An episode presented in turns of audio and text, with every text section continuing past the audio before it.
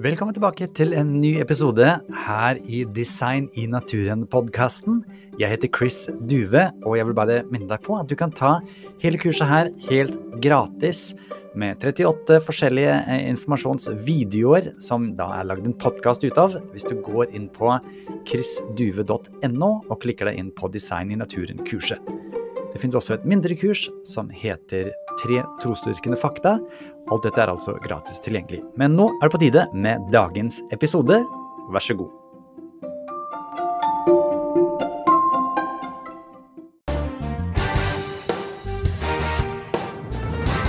I, I think we, we could just start to talk about some things if that's okay. Mhm. Um, you are the only um, lady intelligent design scientist that uh, is on this on this course. How did you start doing science, and how did you think that the nature that you were studying had something to do with design?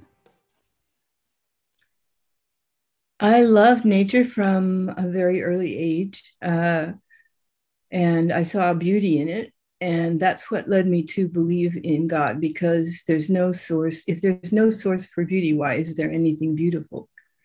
And um,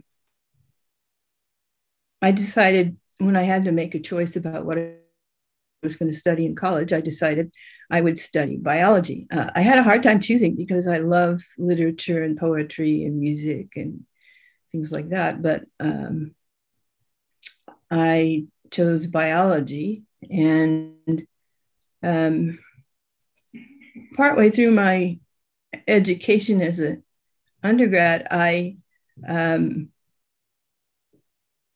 I almost changed my major to music but I saw that all these other students who were music majors had been playing the piano since they were four, and I, and I didn't know how.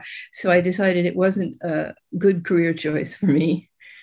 Um, and I stayed on in science.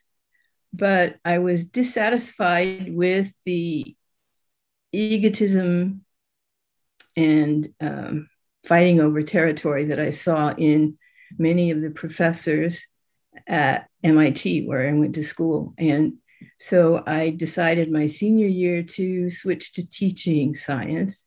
And I um, took a course and got qualified to teach. Um, I taught high school for two years um, and quickly encountered the fact that I was only four years older than most of my students. And I didn't have the answers to the questions that they asked. I was too young and too inexperienced, and they were asking serious questions uh, uh, about their life and what they should do. And um, uh, so I thought I should go out and live a little and then maybe come back. Um,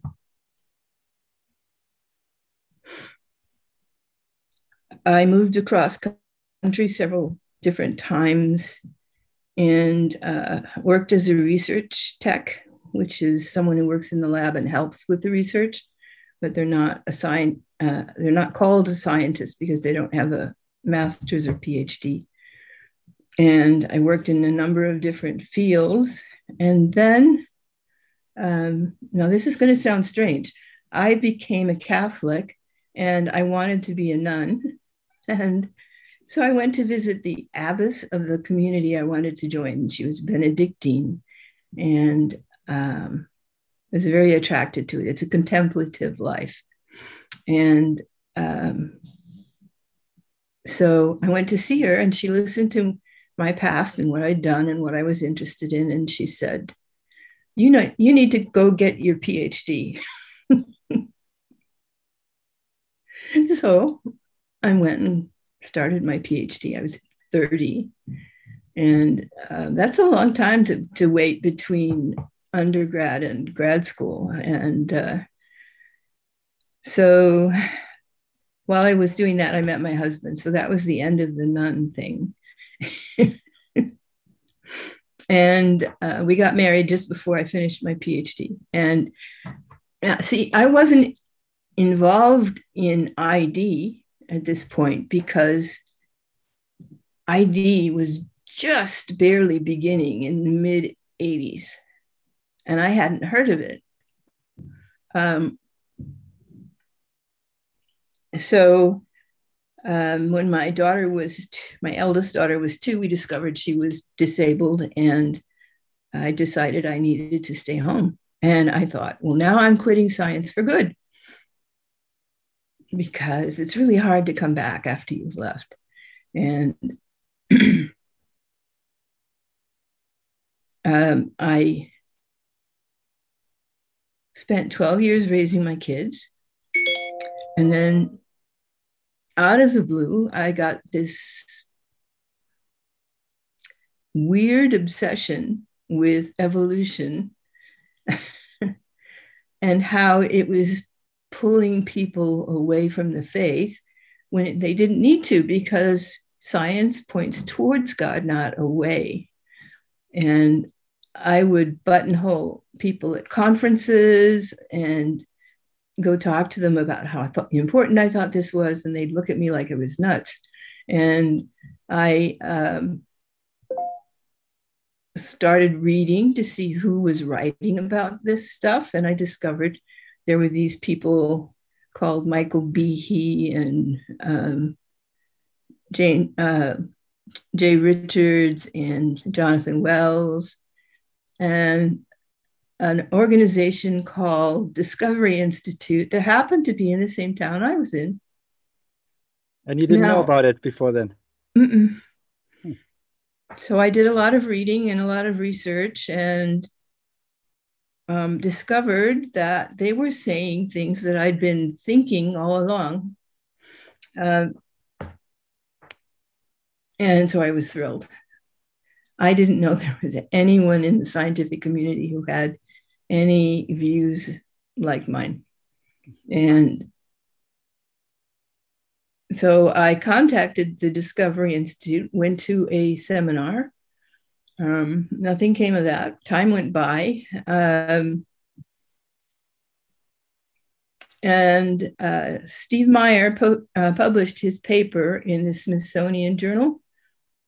And everything got crazy all of a sudden. And um, somebody sent me an email about what had just happened, and it was from it was from a um, newsletter, an online newsletter that Discovery sends out. And so I thought, well, maybe I'll sign up for this newsletter. And I signed my name, Ann Gauger, PhD, and I wondered what would happen. 30 minutes later, I get a phone call. Um, we see that you uh, have a PhD. Yes. We see that you live in Seattle. Yes. We see you signed the Dissent from Darwin list. Yes. Um, Steve Meyer is having a seminar. Would you like to come? And I said, I'm already signed up. there was a pause on the other end. He'd run out of things to say. And I said, uh, Can I send you my resume? and because um, we had put the kids in in school, uh, uh, Christian school, and um, suddenly I had no way of paying for that, and so I was interested in getting work. so I so I sent them my my resume and 20 minutes later phone rang and he said would you come talk to steve meyer now, I had a long way to go. I had my reasons for thinking that intelligent design was true. One of them was um, the Big Bang, um, the cosmological arguments. Another was um, the biological Big Bang of the Cambrian explosion. Um, I thought that was really nifty that you know, so many different kinds of animals came into existence about the same time, um, sort of biblical, I thought.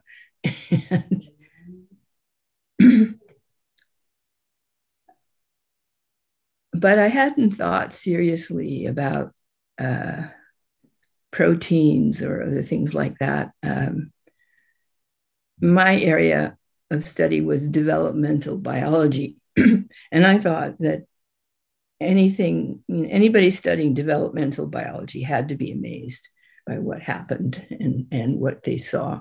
Um, anybody who saw it had to be amazed because it's so miraculous that it happens right so much of the time.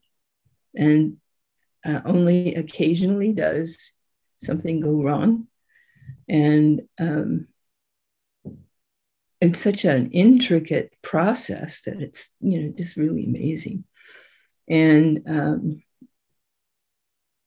it reminded me of Psalm 139. So uh, I started working with Doug Axe and uh, had to recover my long lost knowledge of how to do uh, molecular biology. And um, we started working on this project to show that um, even if proteins were similar in structure, um, they couldn't interconvert.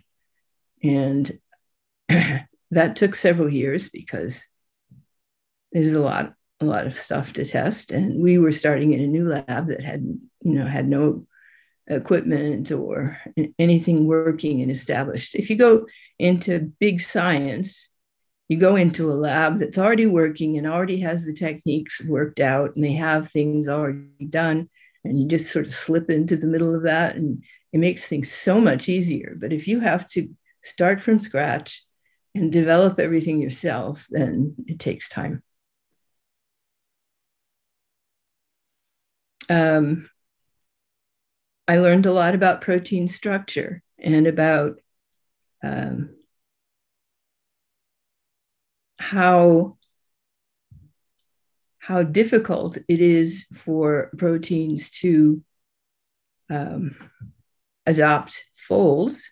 That means their structure. Um, after they're made, they fold into different kinds of shapes, and um, the structure is what determines what they can do because it brings the amino acids into the right position for whatever work it is they're supposed to accomplish. And um, if you have um, just a few um, mutations in the protein, it tends to destabilize the protein and it can't do its job anymore. So, for evolution to work, you have to wander around making mistakes and hope that you make the right mistakes in order to create a new protein doing a new thing. Um, that seems to me um, when a protein is 150 amino acids long or 300 amino acids long, 300 is the average, then that's a lot of different things to try.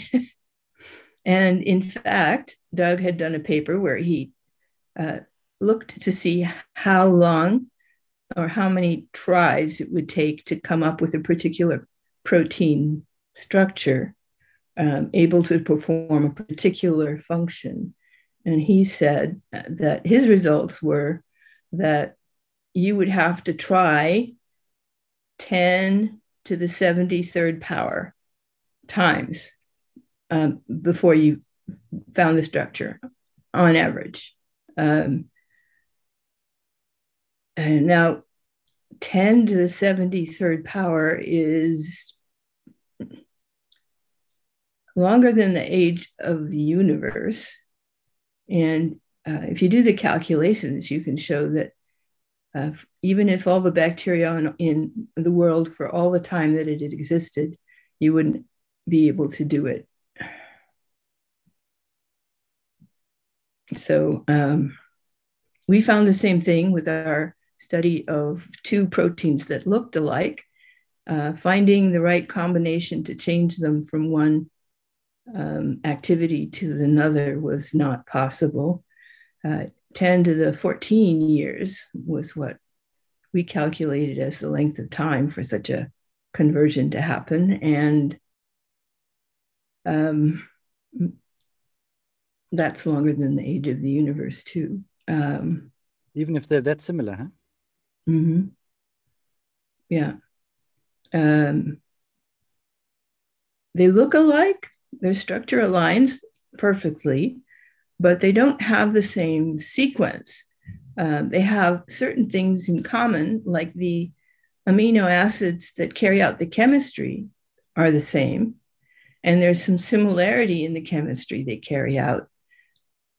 But there are enough differences in the chemicals they work on and their how they have to fold in order for the chemistry to work um, that it would take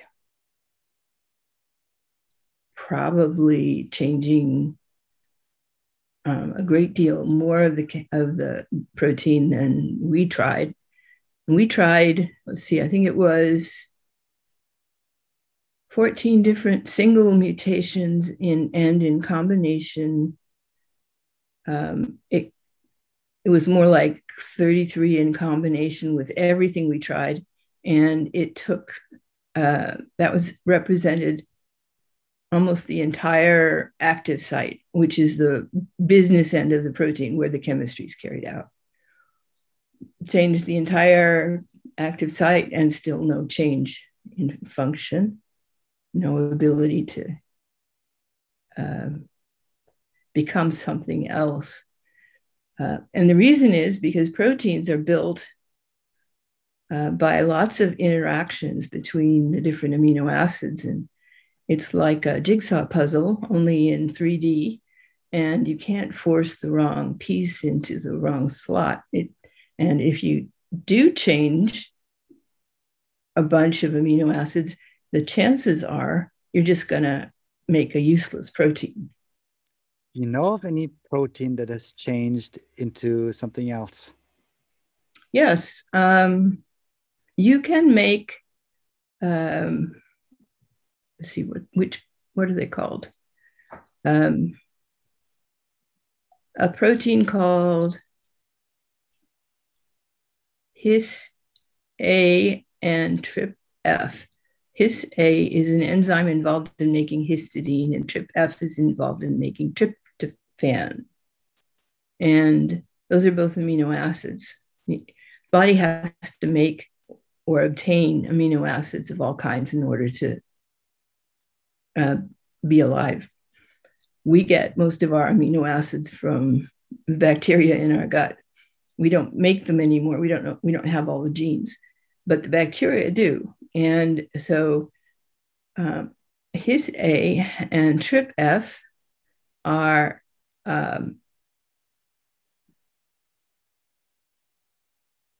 different in structure and sequence, but the active site is such that if you change one amino acid, maybe it was two or three, you can get it to switch function.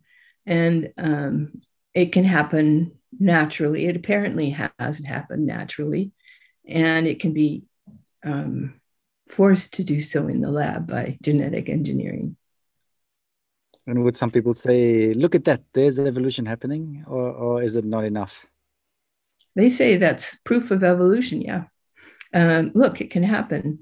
Um, well, one protein changing is not enough to build a, a new body plan. So, um, so that microevolution on a protein level. Mm-hmm. Uh-huh. So that's what in our books mostly what do we have about actually is microevolution. There's a few more like um, kind of suggestions about that's see microevolution, therefore macroevolution, but there aren't actually any real examples of macroevolution. It's mostly micro. Um, there are examples of m- macroevolution, but I don't I don't buy the argument. Um, there's one where they took a lizard. Um, I don't remember where its natural habitat is, it's on a, uh, normally on an island where it ate insects, and they put it on. They put what? ten pairs, five pairs, I don't remember, on another island that was full of plants, and they came back after a certain number of generations and looked at the lizards and found that they had changed their diet and that had changed the shape of their head. And their stomach had changed. Now, this, this is an adaptation. And I don't know, they didn't say in the article I read how many generations had taken place. But if it took place within just a few generations, that means it was um, an adaptation induced by the changes, not due to random mutation and selection. And why do I say that? Well, because it's known in biology that um, certain kinds of activity can change the morphology, the, the structure of um, an organism. Uh, so, um, eating plants requires more grinding, chewing than insects. And so, um, the muscles work harder, and uh, over time, uh, the the jaw can become wider and stronger. Um, or you could say that there was variation in the population, and the lizards that could chew better survived. Uh, likewise, the stomach. Um, they said that uh, the stomach evolved valves like uh, are present in other lizards, but not originally present in this one. But then they say, well, that's not quite true because um, a few of the lizards that we brought over did have valves like that already.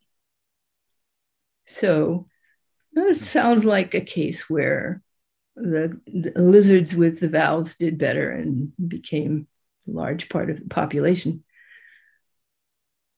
Um, does that count as macroevolution? No, but it is a change.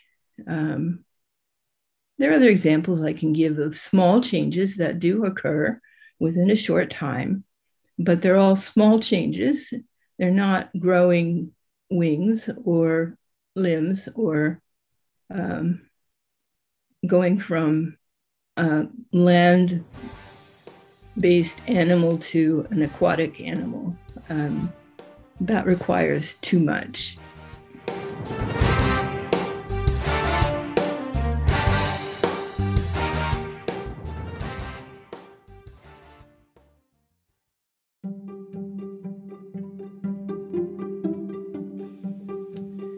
Igjen, dersom du ønsker å få tilgang til de hjelpearkene eller oppgavearkene, så er det jo fullt mulig for deg å signe opp til kurset. Da går det an å laste det ned. Hvis du går inn på chrisduve.no, så ser du all informasjonen der. Dersom du ønsker å støtte denne podkasten og annet arbeid som jeg holder på med, kan du også lese mer om det på chrisduve.no. Takk for nå.